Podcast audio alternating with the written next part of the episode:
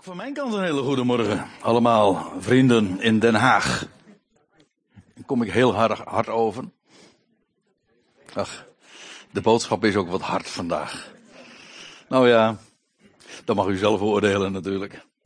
Maar het gaat uh, bijvoorbeeld over woorden als ik zal hen stuk slaan als pottenbakkersleem. Met een ijzeren knots. Nou ja, hè, dat, uh, dat klinkt nogal hard. Trouwens, dat is uh, dat zijn woorden die we pas in later instantie zullen bespreken.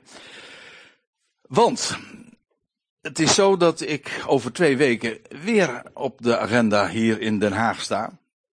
En trouwens, en dan twee weken later weer. Dus u bent voorlopig nog niet van mij af. Maar dat betekent dat ik dus in de gelegenheid ben om omdat er zo'n korte tijdsperiode iedere keer tussen zit, om een, bijvoorbeeld in dit geval ook een psalm te bespreken en dat in stukjes te hakken. Want in één keer deze psalm te bespreken, al zijn het maar twaalf versen, leek me toch wat veel voor van het goede. Psalm 2 is een, een bekende psalm. Ik heb het als ondertitel even meegegeven, tenminste voor vandaag dan. De woelende natieën. En het verklaart ook het plaatje wat u hier ziet afgebeeld van een woelige zee, wat een heel mooi beeld trouwens ook is, want de zee in de Bijbel is ook een type van de volkerenwereld, van de natieën, van de volkerenzee, zoals we daar ook over spreken, en over natieën die woelen, daar kun je je zomaar een beeld bij voorstellen. En ik denk dat het ook een beschrijving is van, ja, de, het rumoer, de tumult en alle woeligheid uh, die er nu eenmaal is onder de natieën. Maar ik moet erbij zeggen, deze psalm is profetisch in die zin ook dat het gaat over gebeurtenissen die in deze dagen nog steeds toekomst zijn. Laat ik, voordat ik nu even naar de details gaan en voordat we de, de psalm vers voor vers gaan bespreken, eerst even wat vertellen over de structuur van deze psalm. U bent dat van mij gewend. Trouwens, in de auto toen we hierheen op weg waren, toen zei ik tegen mijn vrouw, weet je dat ik dit jaar, in 2009, al 30 jaar hier in Den Haag kom, dat wil zeggen in deze samenkomsten. Weliswaar op verschillende locaties, maar dat is al een hele tijd. 30 jaar geleden was deze man nog een jonge kerel, ja. Op wat slanker, ook dat, ja. Maar toen, en in die tijd heb ik, heb ik me ook gerealiseerd, al heel wat keren hier ook diverse psalmen besproken. Ook soms in verschillende delen, psalm 139. Ik heb, ik heb zelf een keer over psalm 168 gehad. Een paar keer zelfs. Ja. Psalm 168, ja. 108 en 60. Ja. Goed.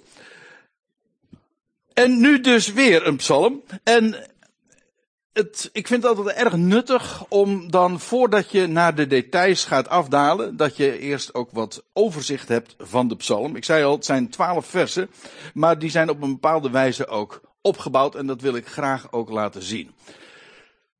De eerste twee, eerste drie versen, dat is een oproep van de natieën en het is een oproep van de natieën van de Verenigde Naties eigenlijk, tegen Yahweh en ook tegen zijn gezalfde. Je ziet de woorden die ik hier dan heb vetgedrukt, waarin dat ook heel expliciet zo wordt meegedeeld. En deze psalm is, dat moet ik er dan ook nog even bij zeggen, is, heeft een inversiestructuur. Dat wil zeggen, de, het begin en het einde komt met elkaar overeen. overeen en en het wijst naar het midden, naar het centrum. En dat is dit gedeelte, vers 4 tot en met 9. Dat staat centraal in deze psalm. En dat is het antwoord dat Yahweh zelf geeft. Hij is hier aan het woord en hij geeft als antwoord en kortweg gezegd zijn zoon. Hij is het die zal gaan regeren. Hij is het antwoord ook aan de natieën. En dan, tenslotte, en dan zie je dus dat het begin overeenkomt met het einde.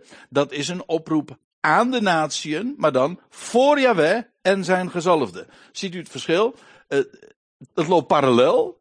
In beide gevallen is het de, een oproep en de natieën en Yahweh en de gezalfde zijn het onderwerp. Maar in dit geval, in het begin is het een oproep van de natieën tegen Yahweh. En het eindigt, na het antwoord dat Yahweh zelf heeft gegeven, met een oproep aan de natieën. En dan voor Yahweh en voor zijn gezalfde zodat je ziet dat het begin en het einde heel duidelijk ook met elkaar uh, overeenkomt, loopt parallel, maar het is eigenlijk ook aan elkaar gecontrasteerd. Dat, dat ook weer.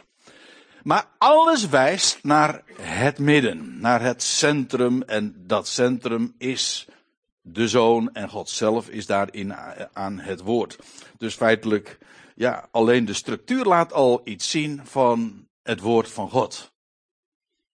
En het laat ook zien hoe wat de mens ook doet en onderneemt en bedenkt of plant, dat God altijd het laatste woord heeft. Begint met de natieën die spreken en het eindigt met God, die definitief het woord heeft.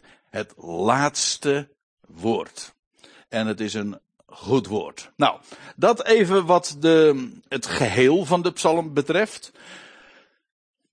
Dan kan ik ook nog wat zeggen over de schrijver, hoewel dat hier in de psalmen niet expliciet vermeld wordt, en toch weten we het, want als we dan naar handelingen 4 toe gaan, deze psalm, dat moet ik er ook even bij zeggen, is een bekende Messiaanse psalm. In uh, heb ik momenteel ook een serie lopen over de psalmen, daar, gaan we, daar hebben we het over psalm 110. Dat is een, een andere, misschien wel de allerbekendste Messiaanse psalm.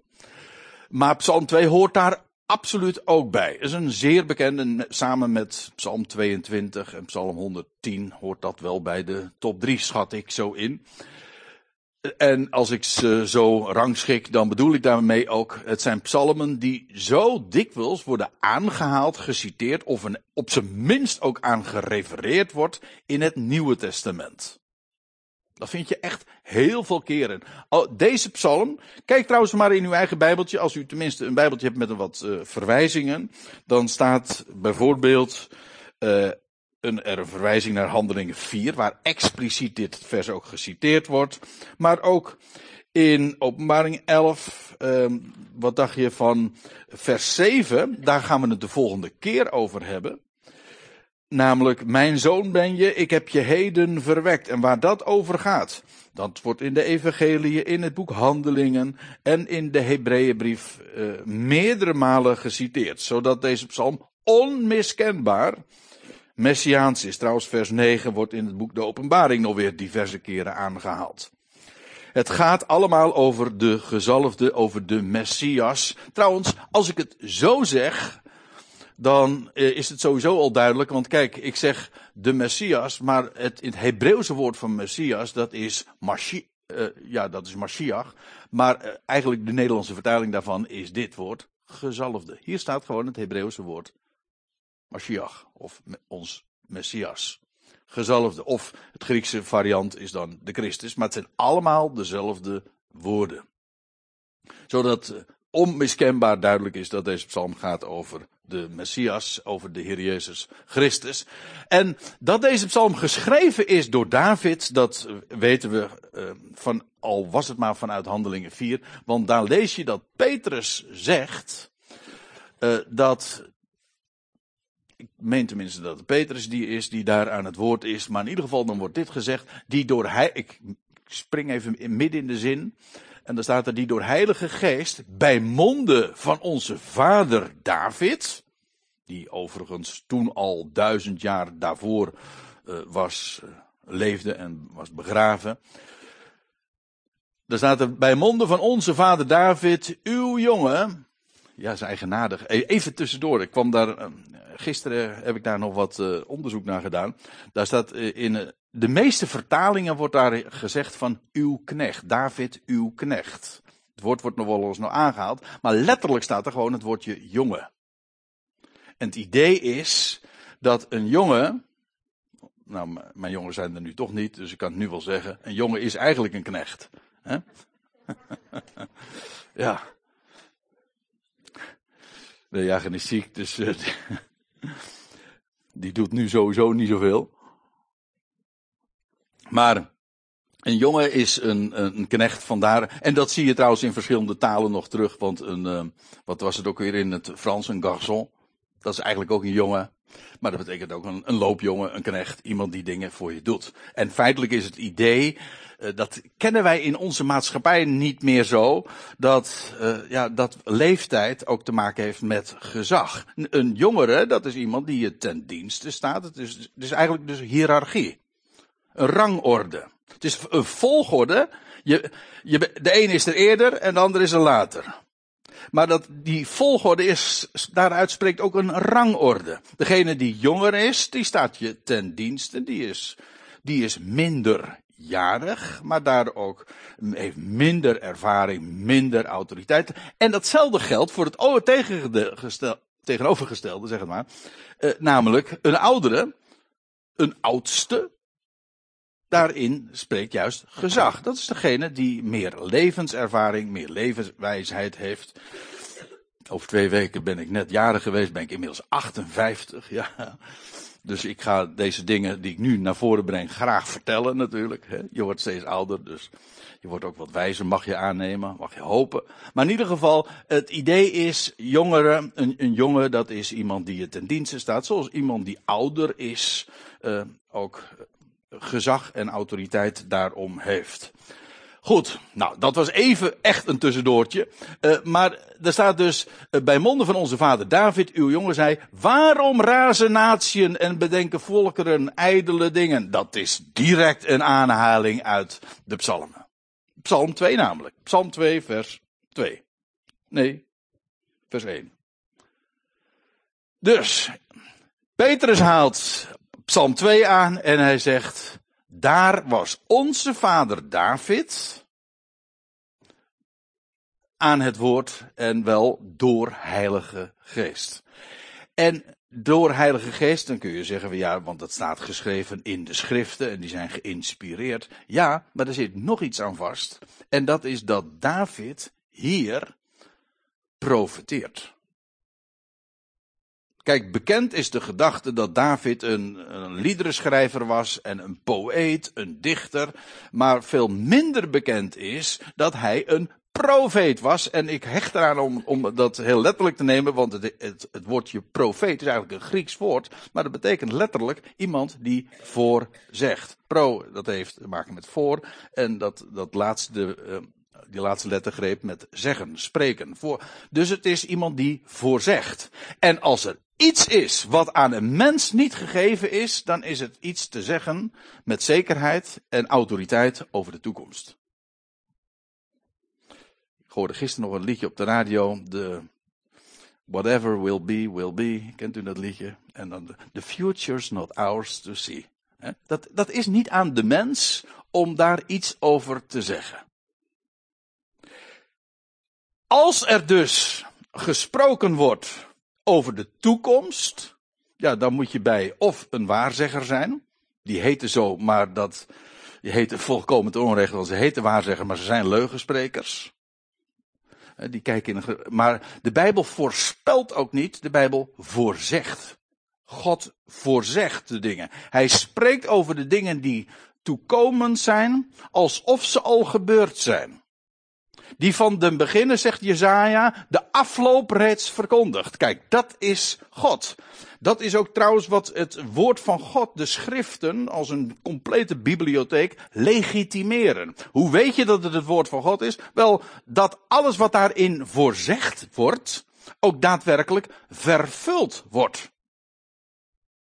En in de profetie is een onderwerp apart, want het is zo uitgebreid. Maar zo geweldig, want daarin weten we, God spreekt is, en is hierin aan het woord, want hij kan met precisie de dingen aangeven zoals ze zijn en zullen zijn. En dan, wordt, en dan is daar een David aan het woord. En die, en die spreekt over degene die ooit na hem zou komen. Ook uit zijn lendenen zou voortkomen, om het even bijbels te zeggen. Een, een, zoon van hem die de definitieve Messias zou zijn. En dat die geboren zou worden in Bethlehem. En wanneer die geboren zou worden. En hoe het zou gaan. Et cetera, et cetera. Het is allemaal voorzegd. Profetisch. Wel, David was een profeet. Psalm 2 spreekt over toekomende dingen. Dat is maar geen dichterlijke overdrijving. Ik heb commentaren ook, ook weer, nu weer gelezen over Psalm 2. En dan wordt het allemaal toegepast op het leven van David. En dat hij dan hyperbolisch, als je, als je het netjes zegt, dan heb je niet eens in de gaten dat het onzin is. Maar hyperbolisch, overdreven worden de dingen dan wat opgeblazen. Maar het is niet hyperbolisch, het is niet opgeblazen. Het is, het is concreet. Het spreekt namelijk over, over degene, ja, waar heel de schrift over gaat. Waarin heel de schrift, uh, die in heel de schrift centraal staat, zoals in deze psalm ook, de zoon. Namelijk de Messias. En David, hij was een profeet. Hij sprak niet van zichzelf, maar over de definitieve koning van Israël, oftewel de zoon van God. Want zo wordt hij in deze psalm ook genoemd. Deze zo, de zoon van God uh, is natuurlijk de, de Davidzoon. Dat was ja, de Davidzoon. Dat is een van de kenmerken van de Messias, dat hij het uit, het uit het koningshuis van David zou afstammen. Jawel, maar hij is de zoon van God. Waarom dan wel? Nou, daar gaan we het dus de volgende keer over hebben, maar over hem gaat het. En, uh, ja, waar gaat het over? De vestiging van zijn koninkrijk wereldwijd. Kijk, David was een koning, een geweldige koning trouwens, en die ook trouwens volkeren om zich heen uh, onderworpen heeft. Het was echt een wereldrijk. Uh, met name zijn zoon, de, de, zoon van David dus, Salomo, was ook een, een vredevorst. Salomo betekent trouwens ook vrede, shalom. Maar David en Salomo, die waren dan weliswaar typen voor afschaduwingen, maar wat hier in deze psalm geschreven wordt, staat, dat is uh, direct alleen maar van toepassing op uh, het definitieve wereldrijk waarin alle volkeren zullen zijn onderworpen aan, ja, de koning die God gesteld heeft over zijn berg Sion. Gewoon heel letterlijk, heel concreet, daar in het Midden-Oosten. Nou, zo wat dingen over eh, deze psalm. En dan gaan we maar eens naar het, uh, naar het begin toe. En dan staat er dit meteen die vraag. Uh, waarom woelen natieën? Het is trouwens een, even voor de goede orde, de, de, vertaling hier wijkt misschien wat af van de MBG en de Statenvertaling, maar is gebaseerd op deze interlineair. Is wat letterlijk dus. Waarom woelen natieën en staat er dan eigenlijk letterlijk mompelen volkeren ijdelheid? En je zou natuurlijk kunnen zeggen, in het algemeen is dit een beschrijving van de volkerenwereld, ja, in de loop der eeuwen. Er is zoveel uh, verschuiving van macht, zoveel conflict, zoveel strijd. Dus de hele volkerenwereld is voortdurend uh, in beweging en er zijn maar heel weinig tijden dat de volkerenzee kalm en rustig is. Nou ja, bij, bijvoorbeeld als je de, de afgelopen 60, 70 jaar in West-Europa zegt van nou, dat is allemaal redelijk rustig gegaan. Maar kijk het eens even wereldwijd, dan is daar altijd die, dat, dat gewoel. En, maar ook niet alleen maar dat die strijd, die, dat conflict en die hoog oplopende golven, om even in de beeldspraak te blijven. Maar ook de, het feit dat die natie een ijdelheid bedenken en daarover mompelen. Want deze hele, dit hele wereldtijdperk, deze aion, zoals de Bijbel dat dan noemt, die al loopt vanaf, van, nee, vanaf Noach, toen de volkeren ook ontstonden. Wel, al die tijd hebben de natieën zich een naam willen maken. Dat begon al inderdaad in de dagen van Noach of iets daarna toen, toen de mensheid zich niet wilde gaan verspreiden, maar zich een naam wilde maken. Nou, dat is ijdelheid. Dat lijkt heel wat. Ze gingen toen vervolgens een toren maken en daar, daar begon het allemaal in Babel. Maar het was ijdelheid. Het, het ijdelheid wil eigenlijk ook zeggen, het is leeg. Het kan weliswaar veel volume hebben, heel wat lijken, zoals een luchtbel. En uh, nou ja, we zijn in Den Haag, dus ik kan het ook hebben over Haagse bluff. Dat lijkt heel wat, maar het is lucht. Het is niks. Uh, het heeft geen gewicht, dat bedoel ik eigenlijk. Ja, over Haagse bluff zullen we het verder maar niet hebben.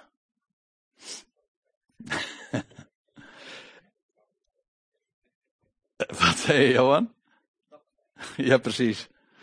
Maar ik heb. Uh, één ding is wel duidelijk: dat, uh, de, dat de Bijbel dat als inderdaad ijdelheid beschrijft. Al het streven van de mens, ook het streven naar macht, want zo heb je, want ijdelheid betekent het is leeg, maar het heeft ook het idee in zich van het is vergankelijk. Er is een heel Bijbelboek daar, dat erover gaat, namelijk Prediker.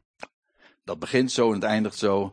Uh, alles is ijdelheid. De mens die kan van alles doen en ondernemen, maar uiteindelijk is die weer gewoon terug bij af. Kortom, het was allemaal niks. En in die tussentijd zit je verschrikkelijk moeilijk te doen. Een heleboel kabaal te maken. Ook weer volume, weet je wel. Heel veel volume. Maar het is niks. En dat is ijdelheid. Dat is een beschrijving in het algemeen van de volkerenwereld in deze hele aion. Maar hier moet ik erbij zeggen. Is het uh, heel concreet ook over de die laatste fase die voorafgaat aan het aanbreken van de toekomende aion, namelijk dat de vestiging van het koninkrijk hier op aarde. Want staat er, koningen van de aarde en machthebbers die spannen samen tegen, ja, tegen en zijn gezalfde tegen, ik, had er zojuist al even wat over. Uh, zijn gezalfde, hier staat dus gewoon het Hebreeuwse woord voor Mashiach. Als je Hebreeuws kunt lezen, dan zie je dat hier gewoon zo staan. En dit is een uniek fenomeen. Het is sowieso, het is de koningen van de aarde en de machthebbers die samenspannen. Dus we hebben het over de natieën, die zich verenigen, die samenspannen. En dus praten we over de Verenigde Naties. Ik vind het eigenlijk wel mooi om daar zo aan te denken. Want dan heb je eigenlijk ook de Verenigde Naties wel aardig getypeerd. Wat ze doen is samenspannen, ook ijdelheid bedenken, veel woelen. En ze doen iets wat ze eigenlijk niet geacht worden te doen, namelijk zich te verenigen. De bedoeling was juist dat de volkeren zich zouden verspreiden. En, dat ze ieder zo hun eigen grens, eh, binnen hun eigen grenzen, hun volksbestaan leven. Maar uh, dat streven naar eenheid, dat heeft altijd te maken met macht. En zich, de, zich een naam maken. Dat is waar ooit Babel mee begon. Laat ons een naam maken. Maar dat is eigenlijk altijd ook gekeerd tegen de naam, namelijk de naam van Yahweh. En als je het zo zegt, ik, je zou het ook nog anders kunnen formuleren. Feitelijk is dat antisemitisme. Antisem, Shem, dat, dat, is het, Shem, dat is het Hebreeuwse woord voor naam. De naam. De, als Joden het hebben over God, dan noemen ze de godsnaam niet. Uit eerbied. Terecht of ten onrechte, daar gaat het nu even niet om. Maar ze noemen de godsnaam niet, ze hebben het altijd over Hashem. Dat wil zeggen Has, Hasem, hè, de naam. Dus eigenlijk, antisemitisme is maar niet een, het verzet tegen of een haat, uh, het haten van, van Joden. Het is feitelijk een haat tegen de naam. Het zich, uh, zichzelf een naam willen maken. Dus in plaats van de naam, anti-shem betekent eigenlijk in plaats van de naam maken wij onze naam. Dat is ijdel. Het, A, het leidt uiteindelijk tot niks. Het is pure hoogmoed. En het is volkomen misplaatst ook. Maar het is een internationale samenzwering en de naties verzamelen zich tegen, en dat is uh, boeiend en dat is uh, belangrijk, ik wil het ook graag even toelichten, tegen de inmiddels regerende Messias in Jeruzalem. Nu, we worden nu eigenlijk in de tijd geplaatst naar een moment die, ja, die nog steeds toekomstig is. Kijk, ik, laat ik het een, uh, laat ik het eventjes aan de hand van de, deze diaatjes duidelijk mogen maken. Kijk, als je, het is een, dat, is, dat is een onderwerp op zich, maar u weet, we, daar gaat nog een periode van, de Bijbel beschrijft het met precisie, 42 maanden, op de dag nauwkeurig 1260 dagen, oftewel 3,5 jaar gaat er komen van grote verdrukking. In het boek De Openbaring wordt dat beschreven in de zeven zegels. Die grote verdrukking eindigt met uh, het tijdstip dat de volkeren zich verzamelen tegen Jeruzalem. Je leest dat bijvoorbeeld in Zacharia 14, dat de volkeren, uh, dan staat er ook in Zacharia 12, dat, dat Jeruzalem een steen is waar ze zich aan zullen vertillen. Alle naties staat er ook bij. En dan zullen ze zich verzamelen tegen Jeruzalem en dan in de uiterste nood, dat is de wijze waarop de Bijbel dat beschrijft, in, de, in, het, in het heetst van de verdrukking zal het, wat het volk van Israël, het Joodse volk, dat nog overgebleven is, zal de naam van Yahweh aanroepen. Wat ze nu, nu nog spreken over Hashem, ze zullen straks de naam gaan aanroepen. En wat er dan gebeurt, dat vind je beschreven in Zachariah 14 heel duidelijk, dat is dat hij zal komen. Ze noemen de naam en wie komt dan? Dan gaat hij zijn, zijn voeten zetten op de olijfberg die voor Jeruzalem ligt. En dan, wat je dan leest, is dat het, het, het volk, dan, er wordt dan ter plekke een, een vluchtweg gecreëerd. De olijfberg die scheurt in tweeën. Ja, ja, kijk het maar na hoor. Ik, ik beschrijf het nu even zo. Maar uh, er wordt een vluchtweg gecreëerd en dan uh, het volk dat, uh, dat, dat overblijft, zal vluchten naar de woestijn en daar gaan ze, ja, daar zal de Heer zijn volk dan gaan verzamelen. En lees je er dan ook bij, de Heere ga, gaat strijden tegen de volkeren. Want de Messias zal dan komen, aan het einde van die grote verdrukking, de Messias zal komen tot Israëls verlossing, maar de legers van de volkeren die worden verslagen. Op dat moment is de Messias dus teruggekeerd en gaat het volk Israël verzameld worden en die gaan naar, naar het land en Jeruzalem zal weer herbouwd worden. Nou ja, dan gaat het de, de Heer zijn koninkrijk bouwen. Vanaf zijn troon in Jeruzalem zal de Heer zijn koninkrijk gaan, gaan bouwen en vestigen en uitbreiden. Israël is dan inmiddels onderworpen. Maar dan krijg je een periode van oordelen, van gerichten die over de natieën zullen gaan. Israël is inmiddels dan hersteld.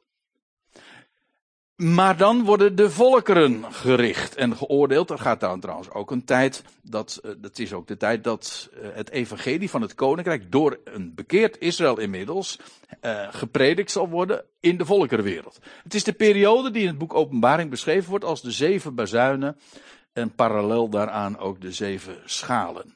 Nou, aan het einde van die periode, dan lees je dat de volkeren. Goh, ik kan het niet eens meer lezen. Oh, zo kan ik het beter lezen. Ja. Eh, die volkeren die willen revanche nemen. Want die hebben hier natuurlijk uh, eerder een gigantische nederlaag geleden. Maar die willen revanche nemen en verzamelen zich tegen Israëls Messias. En tegen het koning. Uh, tegen, de, ja, tegen Yahweh en zijn, zijn koning en zijn gezalfde. En dat wordt in allerlei plaatsen beschreven. Ik geef hier een aantal andere tekstverwijzingen. En dat moment wordt hier in Psalm 2 beschreven. Dus het gaat hier niet over, in Psalm 2, over de volkeren die zich verzamelen tegen Jeruzalem. Maar ze verzamelen zich, nou laat ik het gewoon lezen.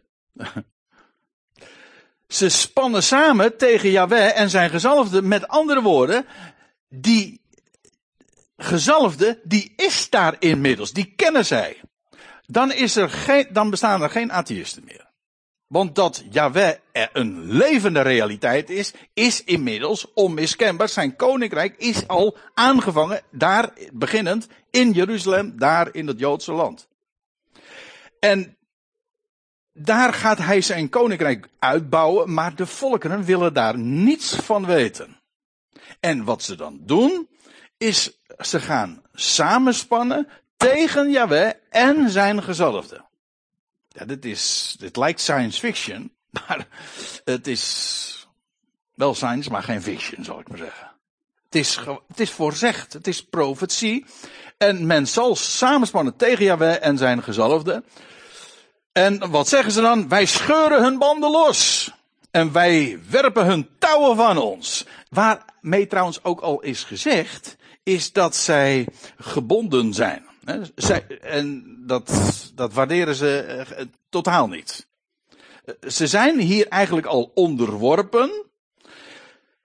Maar daar wil men niet van weten. Men weigert als vazalstaten te, te zijn van Israëls God en van diens koning. En dan zeggen ze, en daarom, in die periode, dus we praten echt over een, een moment, ja, dat inmiddels de, nogmaals, de Messias zal teruggekeerd zijn, zal op aarde en zijn koninkrijk gaat uitbreiden. Wel, dan zal er een moment aanbreken. In openbaring wordt het beschreven als Harmageddon. Dat wil zeggen, ze zullen zich verzamelen, niet daar bij Jeruzalem, maar daar in het noorden van, daar die geweldige vlakte van Israël. De vlakte van Megiddo. Daar zullen de volkeren zich gaan verzamelen. Maar van een strijd komt het niet. Dat wil zeggen, de Heer gaat gewoon ingrijpen. Dan. Maar waarom ze dan samenkomen, dat is tegen de Heer, tegen Yahweh en tegen zijn gezalfde die daar regeert. Zijn koninkrijk willen ze niet. En ze zeggen, wij scheuren hun banden los, wij willen maar niet onderworpen zijn, wij geen vazalstaten zijn van, van dat, dat koninkrijk. En wij werpen dat van ons. En inderdaad, dat koninkrijk is inmiddels een, een onlogenbare realiteit. We praten dus over een tijd dat Gods bestaan en het koninkrijk van Israël onlogenbaar is. Vandaag zwijgt God. En hij, we lezen ook, uh, dit wordt de, deze periode, oh, is eigenlijk al 2000 jaar, heet de periode ook van de verborgenheid. De Heer is verborgen. Hij laat totaal niks van zich blijken en zodanig dat mensen zeggen, nou hij is dood. He, zelfs theologen zeggen dat. En, uh, je kunt nu Gods bestaan ook in die zin gemakkelijk logenen, want hij laat namelijk verder niks merken. Nou ja, dat hij er moet zijn, blijkt wel uit de schepping, maar goed, dat heeft men ook weggeredeneerd. Maar verder, voor de rest is hij verborgen, hij houdt zich, uh, hoe lees je dat? Hij verbergt, zo, dat is de Bijbelse uitdrukking daarvoor. Hij verbergt zijn aangezicht. En hij zwijgt. Maar dan praten we over een tijd dat God wel degelijk gaat spreken. We zullen het straks ook zien. Eerst nog even dit. Ik, dat vind ik een prachtig vers. Die moet je echt onthouden. Want ik zei al, deze psalm gaat echt heel specifiek over een bepaalde periode, die nog steeds toekomstig is, maar er zitten van die dingen, van die elementen in, over die woelige wereld, maar ook deze, dit vers 4, dat moet je gewoon, dat moet in je hart gegrift staan. Over Gods reactie dan op dat streven onder de natieën van de hele wereld. Daar staat er die in de hemel zetelt, die lacht. En mijn Heer, of de Heer Adonai, staat er eigenlijk letterlijk, mijn Heer spot met hen. Belachelijk is het recht. Even nog even voor de, voor de duidelijkheid. Hier staat lacht. Maar kijk eens wat er staat in het Hebreeuws. Er staat gewoon Yitzchak. Maar dat is gewoon een naam hoor. En wie was dat? Dat is Isaac, ja. Dat, dat was de zoon van de belofte, weet u nog? Die man, die, die jongen die eigenlijk, jongen, eh, later man, die niet geboren kon worden. Maar die eigenlijk als uit het verstorvene, uit de dood, voortkwam. Dat zijn, dat zijn bijbelse beelden. Dat is Yitzchak. Dat is lachen. Naar menselijke maatstaven kon Yitzchak, Isaac, niet geboren worden. Volgens de menselijke wetenschap. Volgens de gynaecoloog van Sarah, die had gezegd van nee, dat is onmogelijk. Jij was onvruchtbaar en bovendien ben je nu over, uh, voorbij de datum, hè? over de tijd. Dat kan helemaal niet meer. Nee, dat is, dat maar dat is menselijke wijze. Maar die in de hemel zit, die, lacht, want God had namelijk gezegd, uh, Abraham dacht aanvankelijk er ook nog anders over. Van dat, ja, nou ja, uh, waarschijnlijk moet er dan een, zal ik een andere vrouw dan nemen. En dan neem ik mijn slavin, Hagar. Nee, nee, nee. God had via Sarah, jouw vrouw, zul je een zoon baren. Belachelijk natuurlijk, maar daarom moest die jongen ook zo heten. Toen hij eenmaal geboren was, toen kreeg hij de naam Isaac. Hij lacht. Lachen. Dat vind ik geweldig. God demonstreert daarmee dat hij lacht om dat wat de mens bedenkt in zijn wijsheid of in zijn waanwijsheid, wat hij denkt dat allemaal klopt en waar is. En God trekt bij wijze van spreken een lange neus. Denk je nou echt? Zou, dus, zou zo woorden uit de geschiedenis ook van Abraham, zou voor de Heer iets te wonderlijk zijn? Als ik dat zeg, dan gebeurt het gewoon. En dan zeg je van, ja, maar Sarah is te oud. Nou en? Nou en?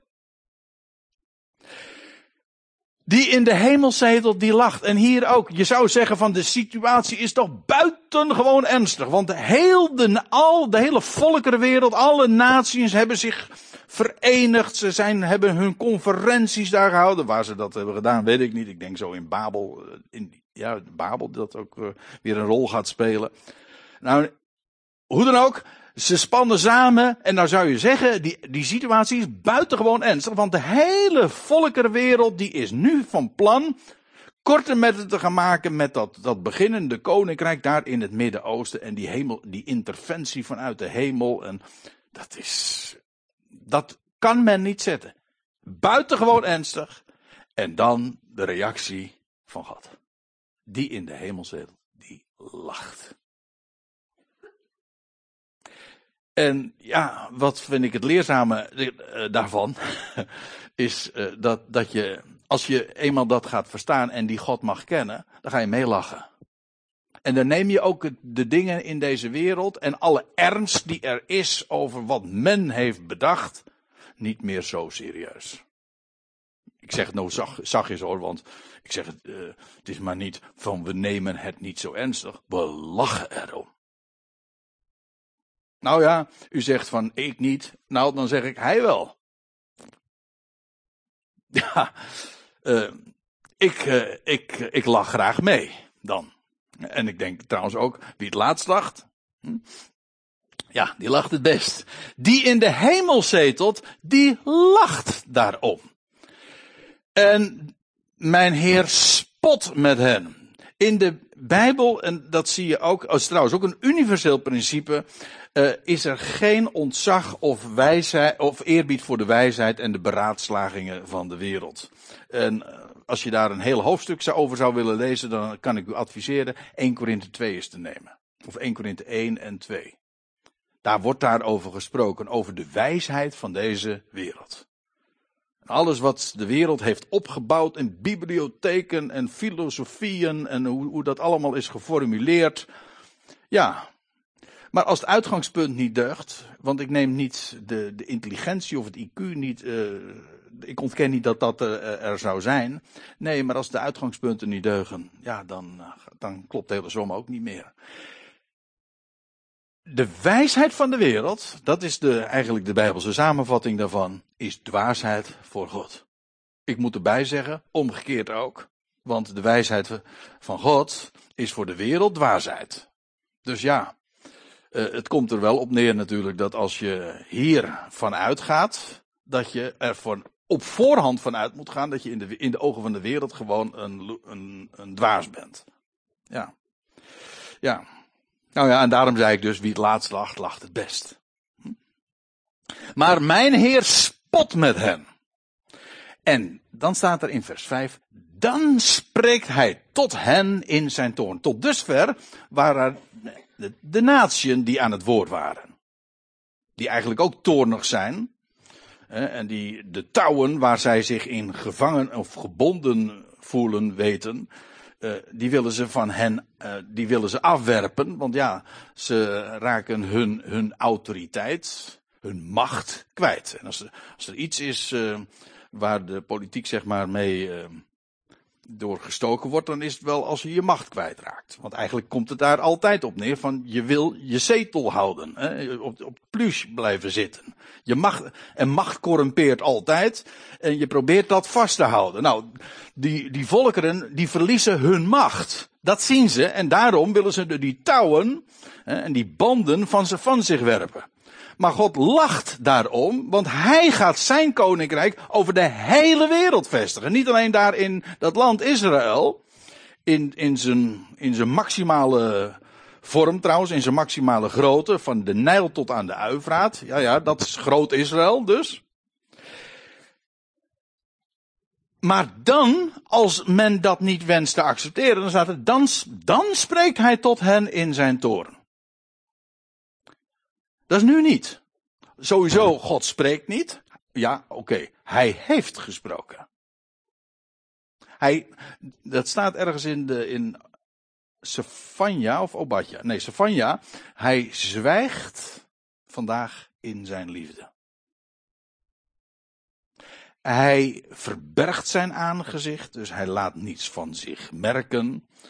En ja, dat wat er hij gesproken heeft is vastgelegd, gedocumenteerd. We hebben de schriften. Maar er komt een moment dat hij inderdaad weer ja, acte de présence zou geven. Hij zal, hij zal daar zich uh, in Jeruzalem, daar in Zion, zal hij zijn, zijn zetel hebben. Maar dan gaat hij ook spreken tot hen in zijn toren.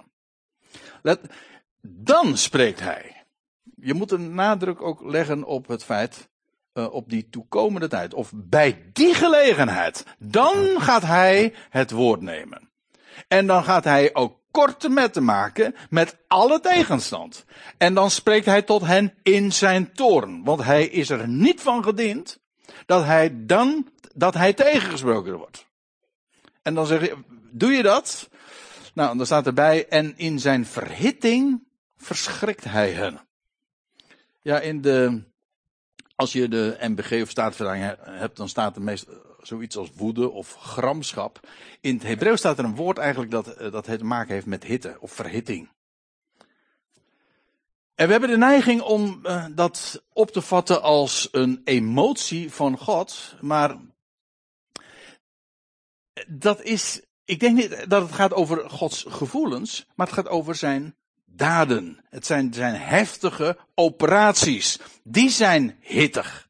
Verhit. Dat wil het, het wordt dan echt, om even in de beeldspraak te blijven, heet onder de voeten.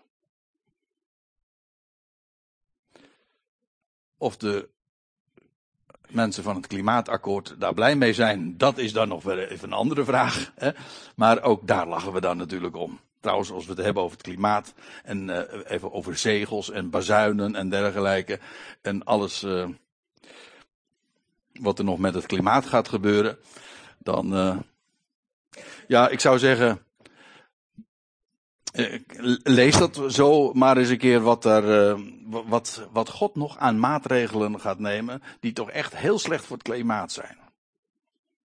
Maar niet, niet getreurd.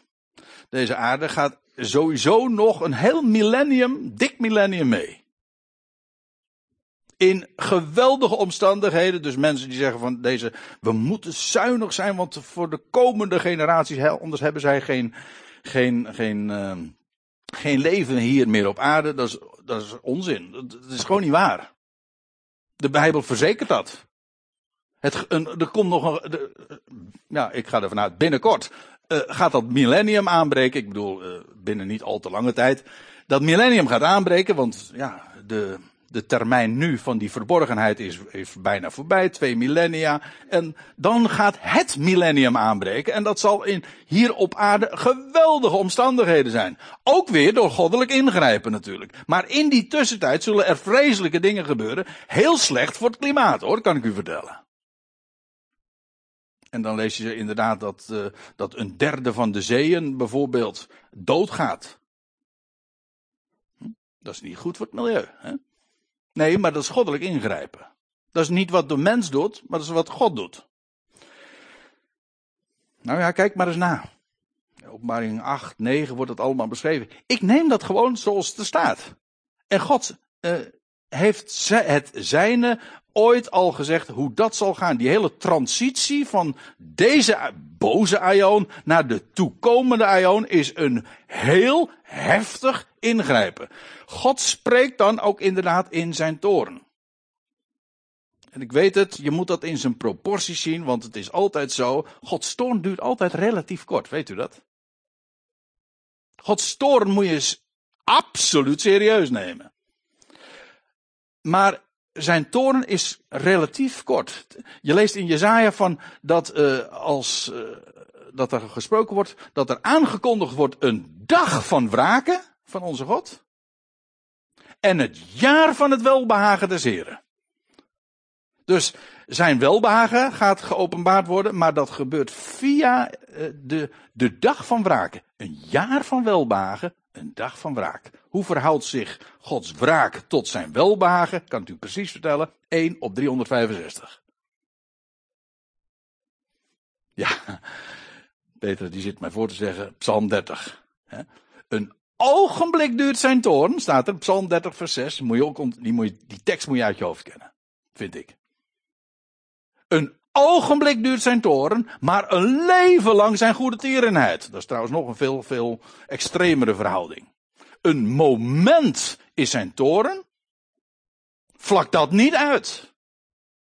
Maar zijn goede tierenheid, ja, dat is een lang leven.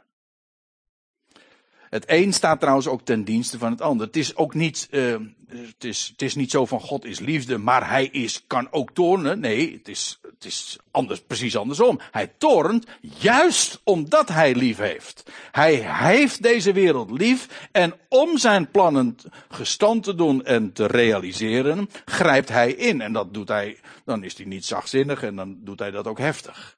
Maar kan hij ook doen. Maar het is altijd kort. Want je leest ook dat, dat staat in klaagliederen, dat niet van harte verdrukt hij de mensenkinderen. Dat wil zeggen, het is vreemd werk voor God. Hij doet het liever niet. Maar het moet soms. Het is noodzakelijk een operatie, hè? Ja, dat is niet leuk. Nee, maar het moet soms. Het is een noodzakelijk onderdeel om zijn plan te realiseren. Nou ja, dat vind ik, dat zijn belangrijke dingen om je te overwegen. Hoe laat is het eigenlijk? een lang leven heb ik het over. Ik heb het. en over tijdsverhoudingen, maar ik ben de tijd vergeten. Oké. Nou, ik wil nog even dit zeggen. Uh, ja, dat is het laatste waar ik uh, nog op wil wijzen. Dan gaan we de volgende keer verder met vers 7. Want God gaat dan na dat streven van de natieën, nadat dat is naar, naar voren gebracht. de, om, om de banden en de touwen van God eh, van zich te werpen. En dan, zegt God, en dan gaat God het woord nemen. In toorn. Denk erom. En dan zegt hij, ik zelf wijd mijn koning over Zion, mijn heilige berg. Of zoals in de MBG-vertaling staat, ik heb immers mijn koning gesteld over Zion, mijn heilige berg. Wat dacht je wel? Hij is daar inmiddels dan de koning ook. En van daaruit gaat geregeerd worden. Niet alleen maar over dat land Israël, maar over de hele wereld. Met andere woorden, dat laatste wereldrijk, het koninkrijk van God, is een Israëlitisch wereldrijk. En over alle volkeren zal vanuit Sion geregeerd worden. Ik zelf wijd, het wordt hier een woord gebruikt met dat betekent letterlijk als een drank of een plengen. Het is een feestelijke inwijding. Eigenlijk ook is het een zalving, want dat is ook niks anders dan, dan, dan over iets uitgieten. Ik heb mijn koning gewijd of gezalfd tot koning. Uh, ja, over, ja, over Sion. Mag ik even reclame maken? Over een maand, doe ik hier eigenlijk nooit, maar over een maand dan, hebben, dan beleg ik een, een studiedag of een conferentie in Garderen. En dan gaat Rijtse een, een uur lang spreken over Sion. Waar is Sion? Waar is de berg van de tempel? Waar is dat? En dat, wat in tegenstelling ook wat altijd wordt aangewezen, dat lijkt namelijk, het is namelijk net wat anders dan altijd erover verteld wordt. En Rijtse gaat dat uitgebreid ook toelichten. Uh, ik raad u uh, aan, als u daarin geïnteresseerd bent, om daarbij uh, bij aanwezig te zijn. Dat gaat erg boeiend worden. Over die heilige berg Sion, want er is heel wat om te doen. En reken maar dat daar ook, dat we de komende jaren daar nog veel over gaan horen. Want daar zal dan weer een tempel komen. Ja, eerst een, die tempel die eh, aanvankelijk nog verwoest zal worden. De, Bijbel beschrijft zoveel in dat scenario. Maar God heeft een plan. En dat plan gaat hij realiseren. En hier in deze wereld, in het Midden-Oosten, meer speciaal op dat kleine stukje land, meer speciaal in die ene stad, waar uiteindelijk alles omdraait. Jeruzalem is het brandpunt. Waarom? Wel omdat hij God daar zijn, een, zijn heilige berg heeft. Het, heilige gebergte. Het is namelijk de stad die God verkoren heeft. En van Jezaja 2, ik geef een hele aantal schriftplaatsen. En ik eindig maar met et cetera, want er zijn er talloze. Maar allemaal met de gedachte, dat Sion de stad is die God heeft verkoren. En van Sion zal de wet uitgaan. De Torah. En des Heeren woord uit Jeruzalem. En dan staat er ook bij in Jezaja 2. Alle volkeren zullen derwaarts, of herwaarts, nee, derwaarts heen stromen. wat oud-Nederlands, maar het betekent gewoon, heel de wereld gaat inderdaad uh, uiteindelijk, die zal zich moeten onderwerpen en zal uh, dat gaan beleven. God heeft een plan met deze wereld. En hij gaat dat koninkrijk straks ook daadwerkelijk, concreet openbaren. Dus we praten hier echt over profetie, concrete dingen. Ja, dat is de, de verwachting die wij hebben. Nou ja, niet zozeer onze persoonlijke verwachting, want zoals uh, zojuist in de inleiding al was gezegd, die is daarboven. Daarin hebben wij ook een aandeel. Maar als het gaat hier over deze aarde, ja, heeft David dat al 3000 jaar geleden opgetekend. Zo zal het gaan. En ja, dan gaan we de volgende keer verder uh, met vers 7 over hoe God dan spreekt over zijn zoon. En hoe hij die verwekt heeft en waar dat over gaat. Nou ja, en nog veel meer. Ik zou zeggen, wordt vervolgd. 3 maart, dan uh, hopen we hier verder over te gaan. Ik stel voor dat we met elkaar een lied zullen zingen.